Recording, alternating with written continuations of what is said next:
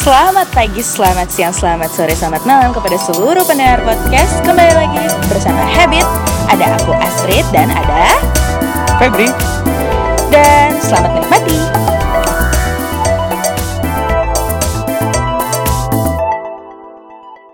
Selamat pagi, selamat siang, selamat sore, selamat malam para penikmat Habit Podcast. Kembali lagi bersama Astrid di sini dan kok kok lucu lucu lucu lucu. sampai detik ini kami tidak menemukan kelucuan dia di mana ya. Hari ini kita berkumpul lagi di sini ramai-ramai. Boleh nggak ada suara-suara ininya? Gila, enak juga, tau gak sih sebenarnya? Kayak anak SMA kamu.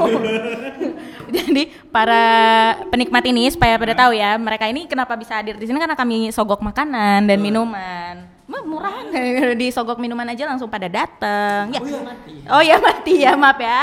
Oh ya Street kita eh, say thanks juga dong sama Vince Oh Coffee. iya, terima kasih kepada Vince Coffee, terima kasih Bang David Iya. karena sudah menyediakan tempat untuk kami di tengah-tengah masa pandemi ini. Kami bisa berkumpul di tempat yang super higienis karena dibersihkan. Thank you. Bang David. Terima kasih Bang David. Nah hari ini kita, eh, aku bakal eh, ngobrolin suatu isu yang lagi hits, bukan hits sih. Hmm. Sebenarnya ini adalah masalah yang Keresahan. ya keresahan yang lagi naik lagi apalagi di tengah-tengah masa masa-masa sulit kayak gini lihat nggak beberapa eh, hari terakhir ini banyak banget yang kena kasus penipuan Betul. di Instagram Oh iya. dan eh, apa sih istilahnya kayak di hack akunnya nah Koko ada tahu nggak kasus itu udah Oh, baca belum Ada Hmm. Seorang apa ya seleb sih seleb Medan. Selebgram Sultan sih itu. oh iya Siapa sih yang nggak tahu dia? Ah, Ke hack ke hack itu apa eh, akun akun Instagramnya. Instagramnya, ya. Dan si bodohnya si penipu tuh eh, minta-minta gitu, minta-minta uang Iya, ke kawan-kawannya dan kawan-kawannya udah ngerti itu pasti dihack. Iya. Nggak mungkin dong sesultan itu minta duit cuma segitu kan gitu. Nah, itu menjadi keresahan karena semenjak ada satu perusahaan e-commerce yang kemarin bocor ya datanya iya, ya. Nih, untung kita ada ada beberapa teman-teman kita yang ngerti masalah-masalah itu ya. Nanti kita bakal tanya kenapa itu bisa terjadi. ya.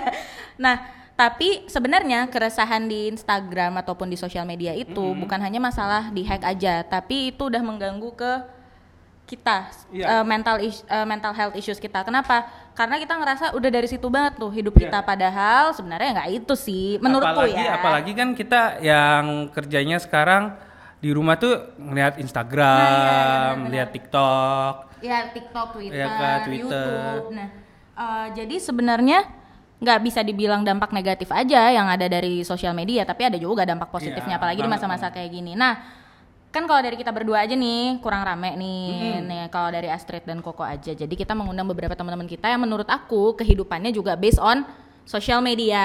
Ada Iya, ya Mbak. rame-rame lah teman-teman kita yang udah biasa didengar sih Iya, sebenarnya iya, iya. beberapa episode ini. Kita mulai dari abang inilah.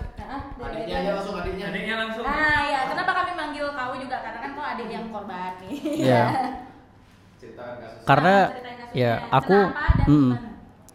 Aku sih sama si AP itu udah Kok apa? lagi. Oh, udah. Ya, ini Ayi, kasus. sekarang ayi. Oke. Kasus. Nah, Jadi kasusnya tuh em, ini tanggal 14 Mei. Eh, ya apa? apa ya? Oke, eh, dua hari lalu ya. Dua hari lalu, dua hari lalu pukul 11, 11 malam.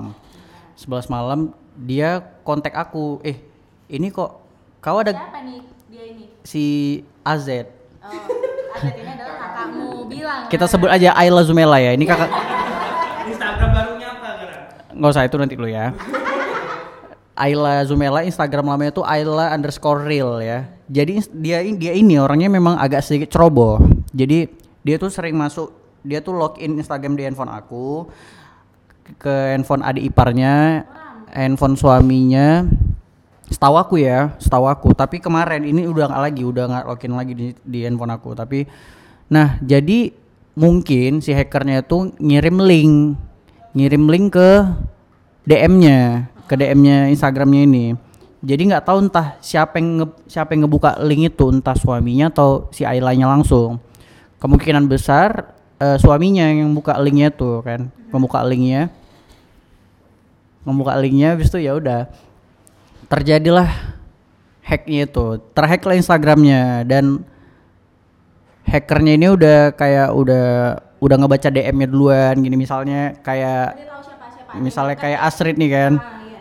Oh nih Astrid panggilannya apa nih? Ma, ma apa Cin apa Sai gitu. Jadi dia udah udah tahu gitu. Sai, bu pinjam duit lah ya, nanti nanti pagi diganti. Nah ada beberapa teman-temannya Ayla ini udah nge-transfer. Jadi si Ayla udah ada laporan bahwasanya yang udah transfer itu ada se- sebesar 12 juta. Jadi udah Cair ya. iya kenyang.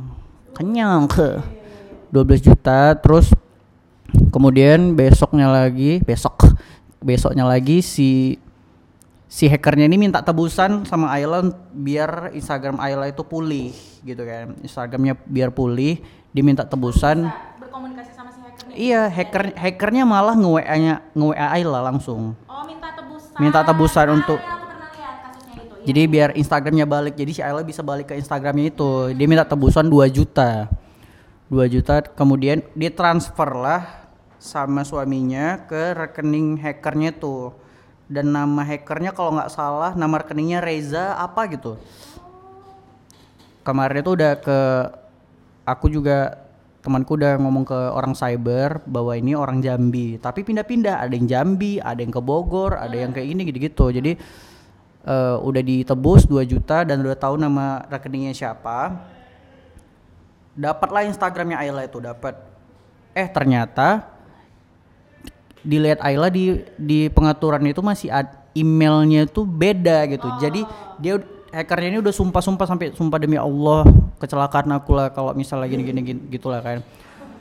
Padahal itu sebenarnya trik itu sebenarnya trik. Jadi dia bilang kayak gitu dia ini lagi menunggu momen momen untuk biar Ayla bilang di snapgram eh Instagram aku udah balik jadi udah gini gini gini gini nah setelah dia ngomong kayak gitu dia beraksi lagi gitu jadi orang-orang udah percaya kan ini Instagram udah balik gini gini segala macam gitu kan jadi si Ayla mencoba untuk udahlah ini akun aku ku hapus aja gitu dihapusnya lah Oh yang penting akhirnya dia bisa ngedapetin eh, akunnya balik sama passwordnya. Iya, Jadi dia bisa uh, uh, matiin ya. benar. Jadi dihapusnya Instagramnya lama, dia pakai Instagram baru untuk meminimalisir kan, meminimalisir. Ya.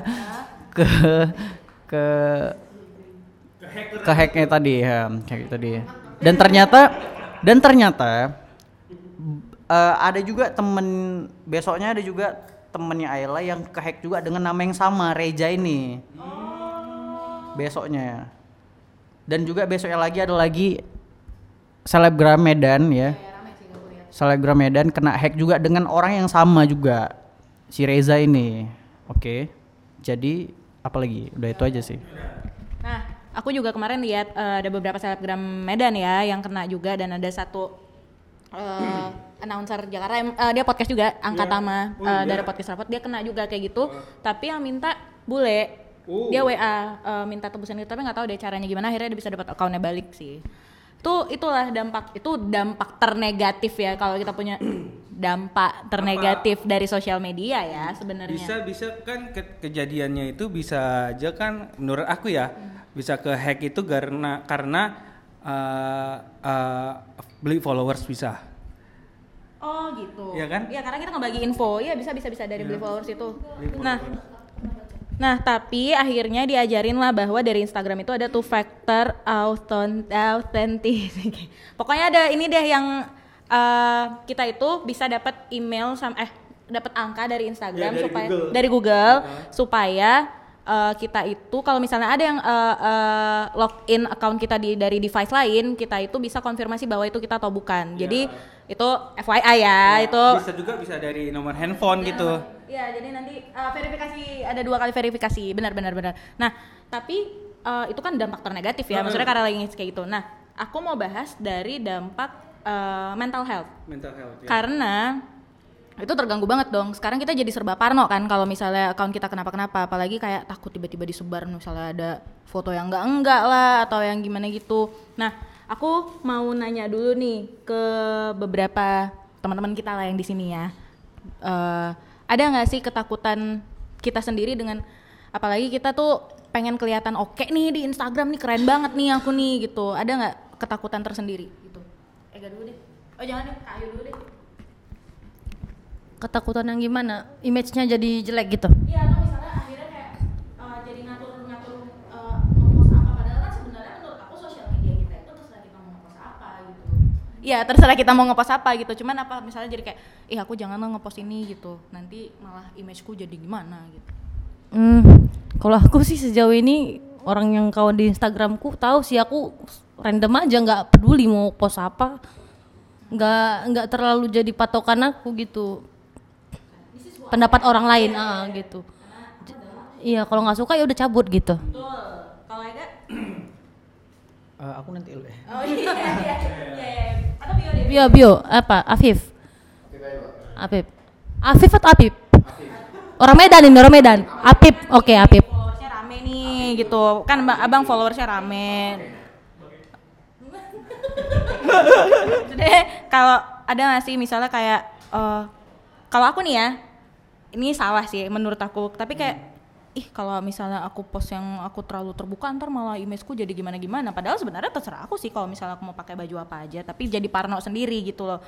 Itu mengganggu menurutku nggak benar dan itu semakin bertambahnya umurku aku udah makin bodoh amat sama yang gitu-gitu. Itu dulu sih zaman-zaman masih kayak pengen banget dianggap melalui sosial media gitu. Kalau kalau kalian nih ya sebagai teman-teman kami di sini kan kalian itu performer.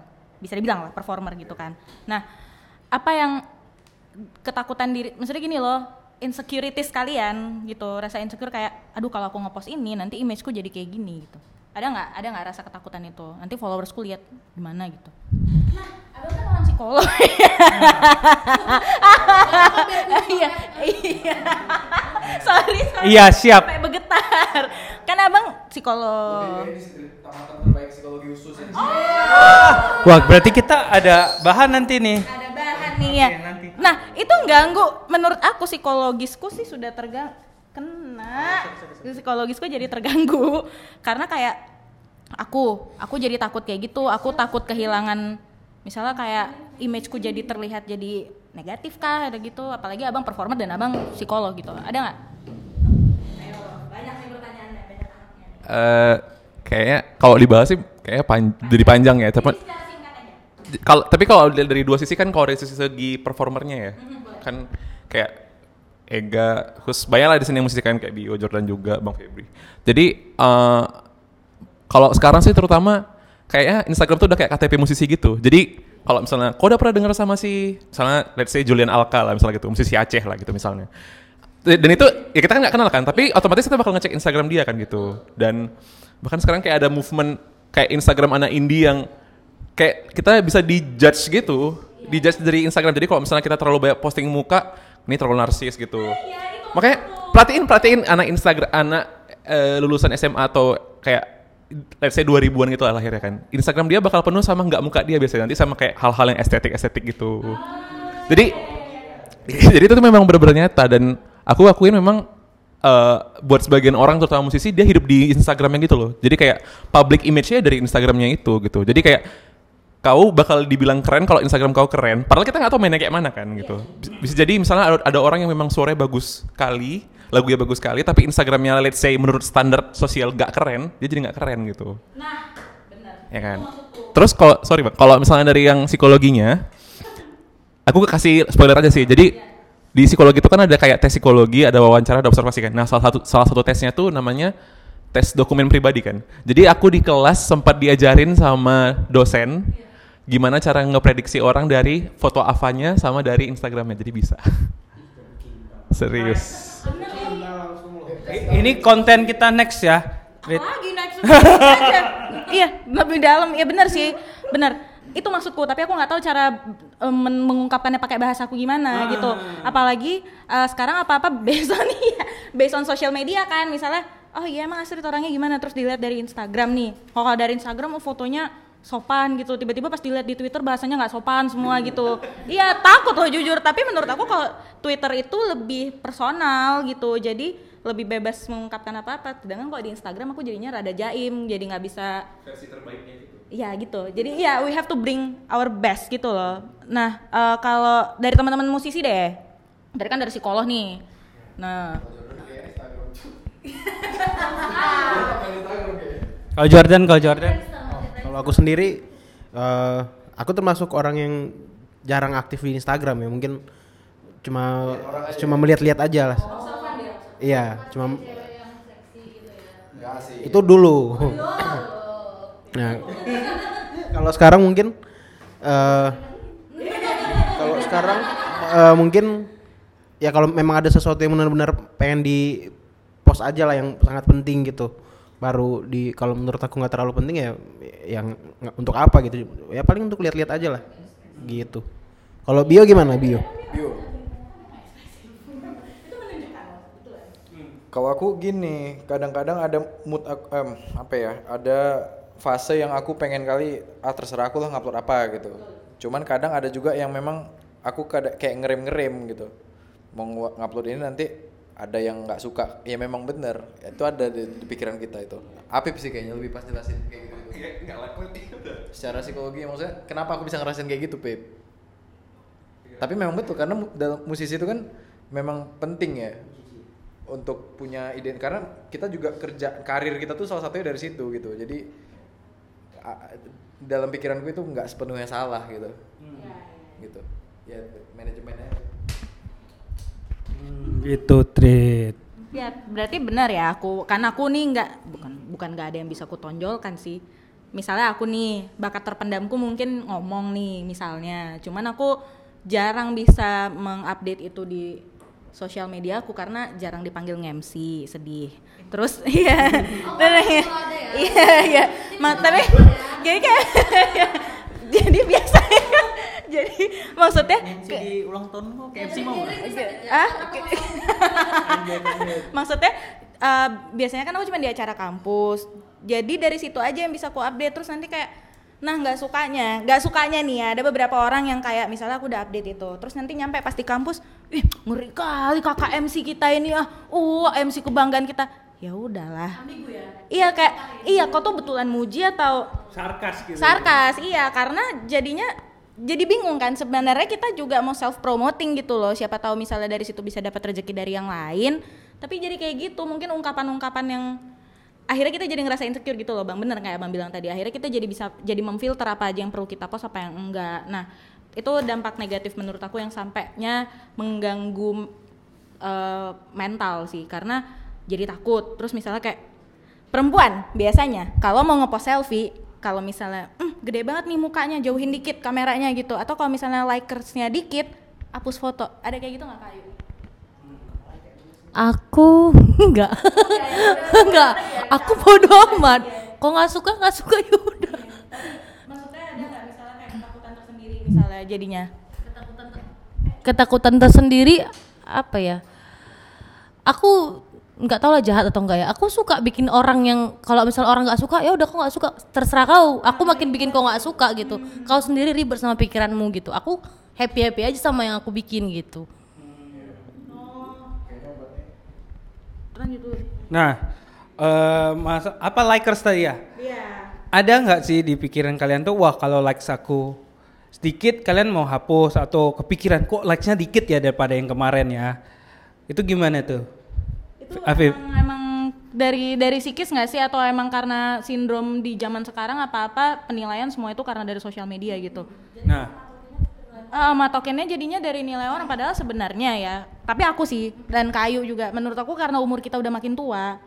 Udah makin nggak peduli ya maksudnya makin makin sadar bahwa itu tuh nggak penting. Yang penting itu adalah kebebasan berekspresi kita di sosial media kita itu gimana. Iya aku juga sih Nah, akhirnya maksudnya aku udah nggak pernah kayak gitu lagi iya apalagi kalau orang itu kan kalau kita yang musisi kan, tapi kalau orang yang kerja di kerja hidupnya itu di Instagram dia perlu kan yang kayak likes, kayak followers itu kadang-kadang dia pasti mikir kan, wah hari ini likes aku sedikit, wah followers aku turun nih. Ya apalagi yang jualan di Instagram di sosial media apa pun itu ya. Kalau misalnya kita ngelihat eh, engagement dari orangnya sedikit, jadinya tidak terpacu lagi untuk kayak, duh besok aku nih, aku nih, aku nih jualan di, iya aku nih jualan nih aku di Instagram ya. Eh, aduh kok nggak banyak yang respon ya. Terakhir aku jadi ciut sendiri, aku nggak bakal jualan lagi. Padahal salah sebenarnya kan bukan konsepnya kayak gitu gitu loh. Sebetulnya nggak di Instagram aja kayak di Spotify ini kita buat podcast mau, eh kok dikit ya yang denger ya kita Hampir, kita hampir jatuh di situ. Kita hampir jatuh di situ. Untung aku bilang ya kita kalau enjoy ya kita buat aja gitu. Bodoh amat mau denger mau nggak denger. Semoga tetap banyak yang denger sih ya. Berarti kalau yang dengar kita tuh orang yang ngefilter benar-benar gitu kan. ngefilter. ngefilter Oh iya iya iya. ngefilter yang bagus gitu loh Oh iya. Nah, kalau eh, tapi kalau akhirnya setelah kayak gitu adalah jadinya kecemburuan sosial di sosial media. Kayak misalnya aku ngelihat "Hmm, kok bisa ya dia lebih keren fotonya daripada aku padahal sama-sama pakai handphone gitu. Eh gak deh, dari tadi Ega belum ada ngomong nih. Apa nih biasanya yang kau eh, iriin dari sosmed orang nih? Em, aku ini masih pembicaraan masih berat ya. Aku IQ aku rendah soalnya. Oke enggak. Apa tadi pertanyaannya? Nah lo, kayak misalnya gini, kan kita jadinya ada kecemburuan nih, kayak kita kan ada insecurities. Aduh, aku kalau ngepost sesuatu di sosial media, kayaknya kok berbanding sama kawanku yang lain, kawanku kok lebih oke gitu. Kok pernah nggak ngerasain iri kayak gitu? Apalagi Oh, kok seorang performer. Nah, kok eh sorry, kok kan seorang performer nih, kok penyanyi. Pernah nggak ngerasain cemburu gitu? nah habis itu cemburu eh kayak kau posting ngebantu posting dia tapi kok pas konten kau kok nggak diposting sama si kawan itu Nah, lo, ya itu itu dua hal yang berbeda sih. Oh Nanti iya. ya. Yang dibilang Bang Febs ada ada ada sedikit. Kayak aku ngeposting kan tiba-tiba ngeposting spontan aja ngeposting kan. "Eh, ini kayak bagus nih konten bagus. Terus tiba-tiba eh postingan aku tuh nggak di-repost gitu misalnya kan. Kayak ada rasa ih wah nggak dihargai gini gini gitu. Iya, aku juga. Padahal kan Nggak ada repost. kayak gitu ya. Nggak dihargai gitu kan. Kan- ya kita serahkan ke Afif Ada kamu apa teori-teorinya segala macam kan Afif ya? Secara teori-teori kayak gitu-gitu. Aku aku kalau boleh jujur aku termasuk orang yang sangat-sangat peduli sama Instagram. Bukan bukan ya kalau engagement termasuk bagian dari Instagram lah, tapi maksudnya kayak bener-bener kayak kalau bisa postingan tuh high quality gitu tuh bener-bener di wah, bener-bener dipikirin gitu lah kayak jadinya. Jadi aku sih balik lagi kayak masalah likes itu aku ngerasa kayak prinsipnya likes itu sama kayak tepuk, tepuk tangan. Jadi kalau misalnya musisi main something di panggung kan kok tepuk tangannya dikit berarti kayak oh ternyata nggak sebagus itu gitu. Dan itu bener yang kata Astrid kan jadi seolah-olah kayak aku bagusnya ngepost ini atau enggak ya gitu. Dan kalau tadi balik ke kata Astrid uh, ada kecemburuan nggak? Nah uh, ada sih kayak fenomena gini. Uh, kita meng- menghubungkan kesuksesan orang itu dari followernya sama likersnya gitu. Jadi kayak misalnya ada musisi A sama musisi B. Ada sih rapper lah, aku s- gak usah sebut namanya rapper kan. Dia tuh followernya ada let's say 3000 gitu. Terus misalnya kayak ada yang followernya se- 1000 gitu misalnya. Nah, aku pasti mikir kayak ini pasti yang 3000 kayak udah lebih banyak, manggungnya udah lebih sukses gitu kan. Padahal kan belum tentu betul. Jadi memang ada sih racunnya Instagram nih itu image orang jadi seakan-akan tergambarkan dari follower dan likersnya itu sih. Padahal bisa dibeli.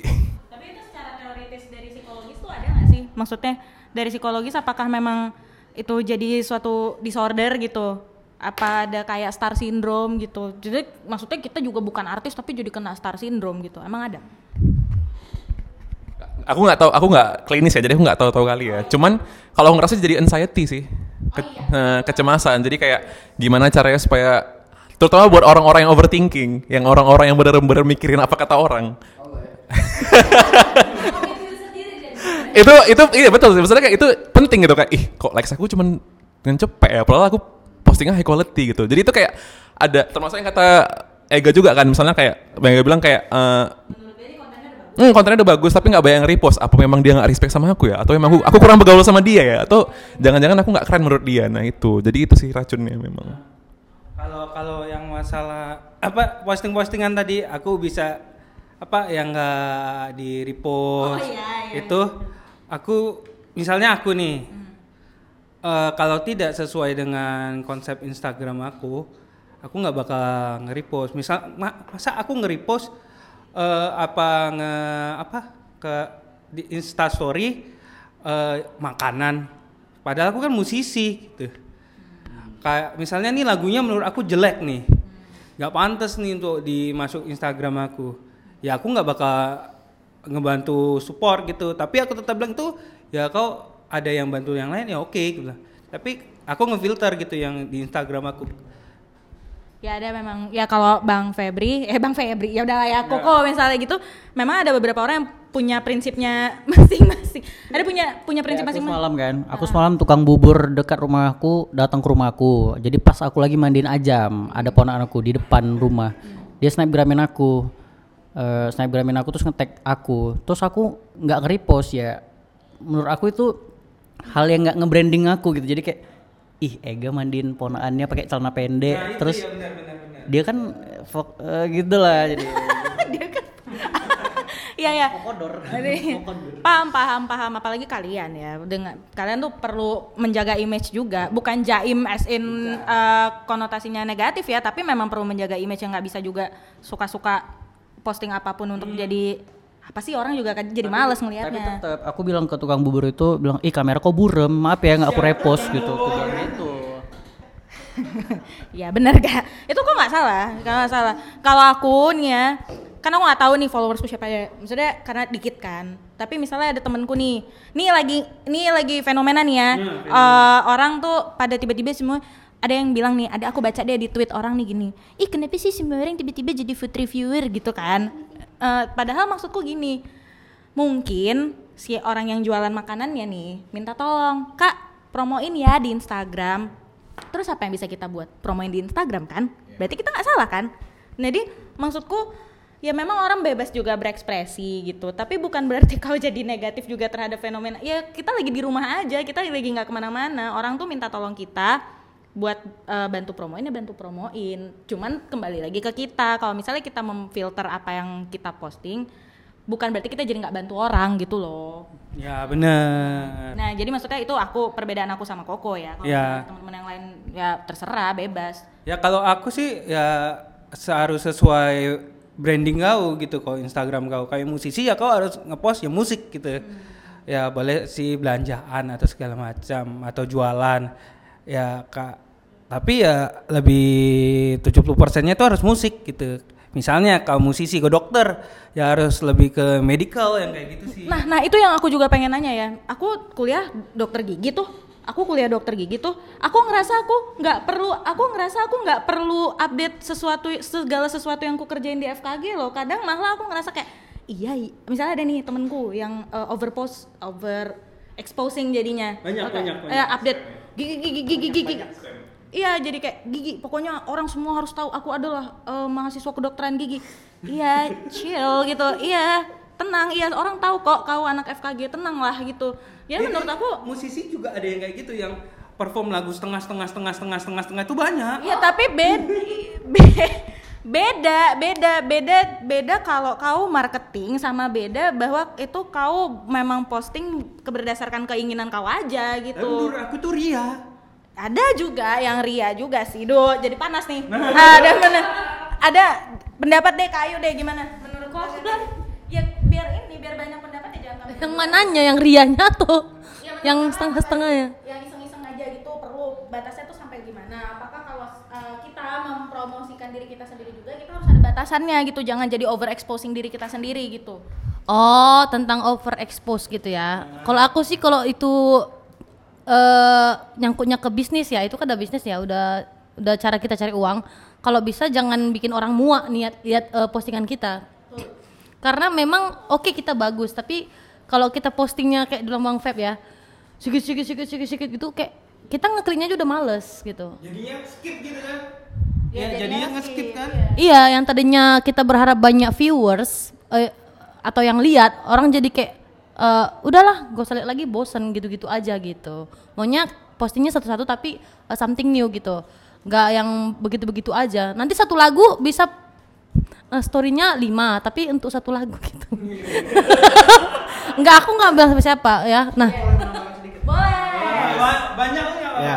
Nah kalau menurut aku tadi yang katanya misalnya dia eh, ber- ber- berprofesi sebagai apa nih? Misalnya dia eh, pemain musik atau apalah profesi yang lain. Eh, sosial medianya itu tergantung lagi dia mau sosial medianya itu sebagai apa? Entah kehidupan pribadinya atau sebagai eh, pekerjaannya dia gitu. Ya jadi nggak masalah sih.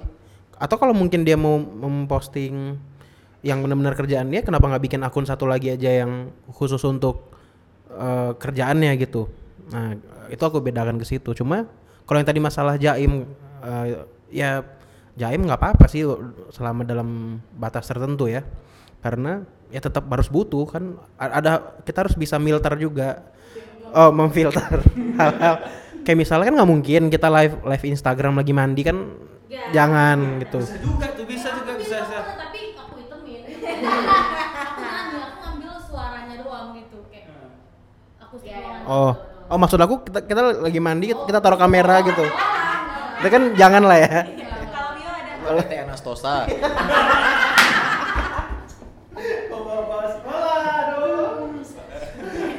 iya. Aku tadi kan memahami kan pembahasan, memahami pembahasan ya kan. Jadi aku pernah punya fenomena kayak gini nih. Aku bingung, misalnya aku ngupload sesuatu yang aku susah payah buatnya nih. Kayak aku buat cover musik yang menurutku proper lah, audionya, secara visualnya juga proper. Capek-capek aku ngulik eh, lagu yang ku cover, terus aku mainnya juga take berulang-ulang gitu kan. Ya, like-nya tuh misalnya views lah ya, views, views, views. Oke lah, views bisa diulang berulang-ulang orang nonton. Aku sendiri ngulang sampai seribu kali pun bisa banyak kan. Tapi le- lebih ke like lah, like like-nya itu let's say misalnya 150 lah gitu. Followers followersku misalnya kita bilang 1000 gopek, berarti 10 persennya gitu kan.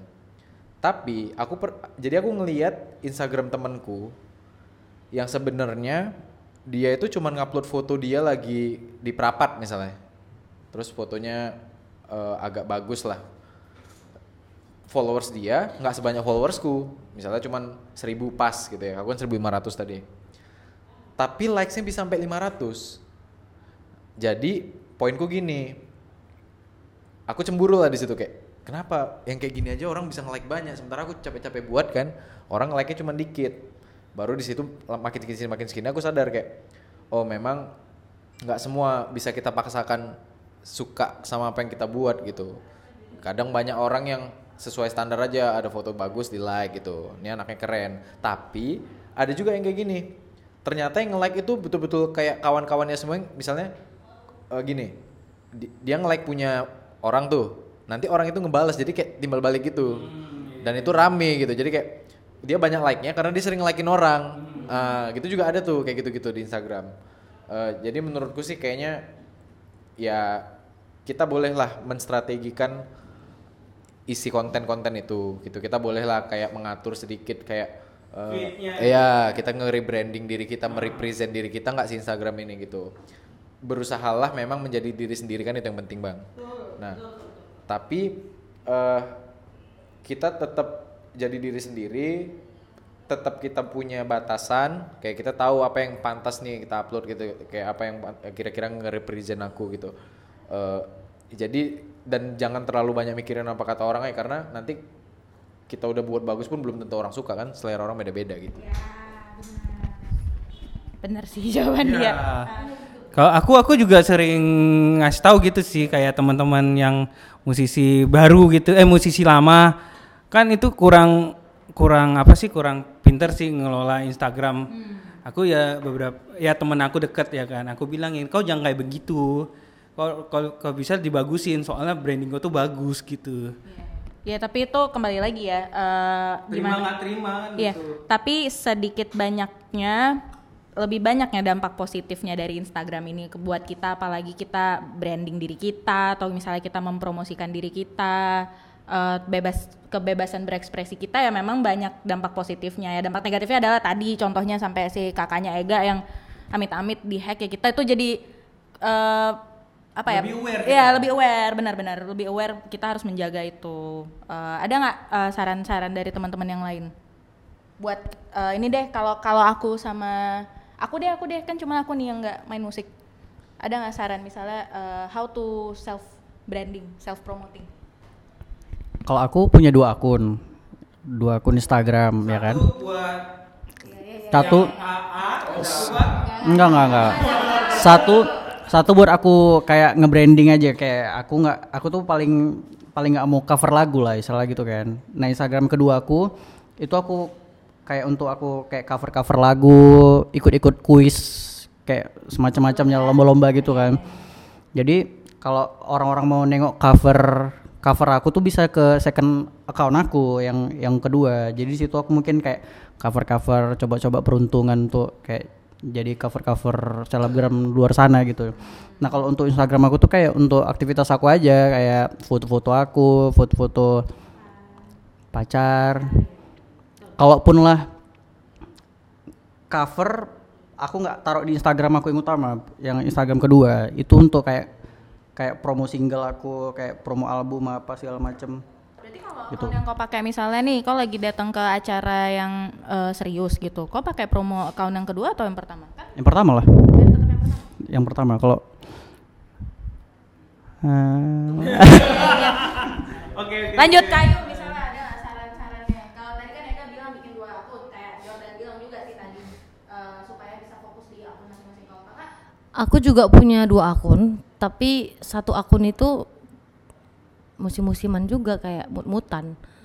Kalau mau posting di situ, kalau enggak eh kalau mau posting yang aneh-aneh di situ eh nggak selalu juga, malah lebih sering postingannya di akunku yang pribadi gitu. Tapi kalau aku nggak terlalu musingin gitu. Karena tetap prinsipku kayak ya nggak tahu ya one day ya satu hari kalau misalnya aku udah mulai ngerasa kok aku harus aku harus berubah atau gimana? Nggak juga nggak juga bisa bilang sekarang kan gitu. Iya. Mungkin sekarang aku di masa yang kayak masa bodoh atau nggak peduli gitu sama eh, komentar orang. Tapi menurutku bagus kalau kita bisa branding diri. Itu malah aku aku dukung gitu kalau ada orang yang berani ngambil ke step itu. Karena itu bukan hal yang mudah gitu. Karena kita harus menghadapi eh, tekanan dari diri kita dan orang lain juga gitu karena se- eh, sejujurnya kalau kita punya sosial media demandnya itu bukan ke kita sebenarnya kita memenuhi eh, iya netizen gitu kalau kita udah siap eh, untuk mengalami itu berarti ya udah bagus lanjutin gitu Branding ya? Hmm. saran deh. Dan misalnya eh, saran juga misalnya buat orang-orang yang kayak super parno sama eh, sosial medianya gitu jadi Hmm. Tapi konsep utamanya itu tetap jadi diri sendiri gitu ya. Kita tetap harus tahu kita tuh orangnya gimana, jangan terus jadi orang lain di sosmed kita gitu. Kalau aku gini, karena kita kebetulan kan hmm, performer ya, Eh, kita perform gitu. Dan aku ada target juga kayak aku pengen jadi performer yang dilihat orang berapa orang gitu aku pengennya kan ada target ke situ gitu jadi jadi Instagram tuh memang ada kepenting eh, memang aku punya kepentingan bukan hanya pengen like atau sembarang orang lihat kepribadian aku segala macam gitu. Jadi biasanya aku tuh eh, mem- mem- mempertimbangkan dulu gini. Aku membuat batasan. Oh aku di Instagram aku tuh seorang yang sifatnya misalnya ABC misalnya suka suka ceplas-ceplos misalnya suka warna hitam. Nah, itu aku gitu. Terus aku suka aku tuh orangnya eh, suka kali buat musik misalnya. Dan aku pengen dilihat sebagai itu ya aku yang ku kontenkan ke orang itu ya yang itu gitu. Jadi aku batasin. Aku tuh hanya buat konten misalnya aku mau ngelucu-ngelucu dikit. Nah gitu. Jadi ada ukuran-ukurannya gitu. Sesuai porsi. sesuai porsi tapi tetap jadi diri kita sendiri aja udah itu sih. Kalau aku saran dari aku Iya, sangat aktif. Eh, gini kalau masalah tadi eh, melihatnya kenapa aku sudah mem- membuat sesuatu sebuah postingan kenapa eh, likes-nya sedikit ya gitu. Ya, menurut aku itu jangan sampai jangan baper lah istilahnya jangan sampai mengganggu perasaan kita gitu karena artinya begini eh kalau kita membuat sesuatu hal yang contohnya ini spesifik ya entah kita main musik entah eh, tentang otomotif atau apa apa pun gitu apa pun bidang eh, ya lagi-lagi kita lihat dulu lingkungan kita di Instagram entah teman-teman kita siapa aja apa di bidang yang sama gitu apa-apa bukan. Kan misalnya kita bikin konten tentang musik kita susah-susah bikinnya.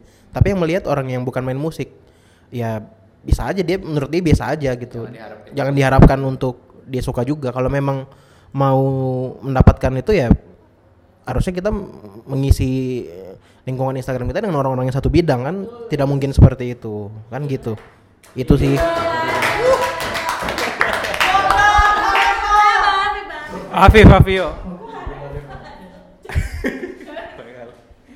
apa ya? Aku sebenarnya eh, tertarik sama idenya bio sih memang. Jadi sebenarnya konsepsi yang salah adalah eh, konsepsi yang salah adalah sebenarnya orang-orang tuh kayak punya prinsip sendiri prinsip masing-masing gitu tentang menggunakan Instagram contohnya misalnya kayak ada beberapa orang yang bilang eh, kalau di Instagram tuh nggak boleh ria, kalau di Instagram tuh nggak boleh spam. Tapi buat sebagian orang mungkin ria itu adalah menunjukkan aku dulu udah setengah mati loh untuk dapetin ini, jadi aku mau nunjukin ke orang-orang dan dia senang ketika dia nunjukin ke orang kalau aku udah nyampe prestasi ini gitu. Jadi selain prinsip, sebenarnya hal yang penting juga adalah ini kepribadian. Jadi kayak misalnya nah, kepribadian aku sama Jordan tuh beda gitu. Misalnya kayak Jordan tuh mungkin lebih kalem, lebih gimana. Kalau aku mungkin lebih yang lebih gimana yuk? Eh, lo- jadi jadi biasanya itu juga terreflek ke Instagramnya gitu gimana. Jadi memang kita nggak bisa ngejudge secara sepenuhnya misalnya oh si Bio tuh orangnya kayak gini hitam putih berarti dia orangnya anak metal gotik gelap dia pasti sering main di terminal habis itu dia tatoan bahasa habis itu dia tanggap apa nah nggak bisa kayak gitu juga kan Albumnya tulus monokrom ya kan. Iya. Jadi memang padahal kalau di yang di psikologi itu monokrom itu menandakan sesuatu memang, tapi memang kita nggak bisa ngejudge kayak gitu itu sih. Terus kalau Terus kalau masalah branding tadi ya itu lagi aku juga balik sama Bio tadi iya ada sama Jordan juga jadi diri sendiri aja. Walaupun memang katanya kalau mau dapat engagement lebih itu katanya kontennya memang menarik. High quality, high quality. Baru biasanya kalau muka kita itu ada di postingan biasanya lebih banyak engagementnya. Iya ada algoritmanya kan. Terus yang Bio bilang juga kalau misalnya kita banyak nge-like, di banyak di like balik itu kan reciprocal jadinya kan. Jadi kayak timbal balikan gitu. Gak salah bintang tamumu hari ini kok. Betul betul. Mantap produsernya kan? Ma Nah, Aku mau nanya, kalian ngomong engagement dari tadi ada yang kawin nggak ya? aduh ya Allah. engagement. Mantap mantap produsermu. Betul, ya bagus bagus bagus. Wih, hari ini berbobot, kirain? Ya kau. Ya, terima kasih ya buat semua eh, narasumber. Nah, pelajaran yang aku dapat hari ini ya, satu emang nggak boleh terlalu insecure apa pun itu. Yang penting jangan eh, over. Tapi itu jadi pelajaran kita juga adalah netizen di eh, sosial media orang lain. Betul. itu jadi pelajaran juga buat kita jangan terlalu gampang juga ngejudge orang lain based on apa yang mereka post setiap hari di sosial media. Nanti kita dijudge juga kita jangan eh, baper Ya gitu. intinya gini, kalau misalnya kita nggak mau digituin orang, kita jangan gituin orang lain. Tuh. Nah, udah itu aja. Eh, kayaknya ini udah, wow, udah panjang ya, sudah 40 menit lebih. Kayaknya episode kita tutup di sini aja dulu ya, aku. Terima kasih pada semua teman-teman yang sudah mau bergabung hari ini. Semoga kita bisa bertemu lagi. Semoga masa pandeminya cepat selesai. Kita semua tetap sehat selalu. See you on next episode. Bye.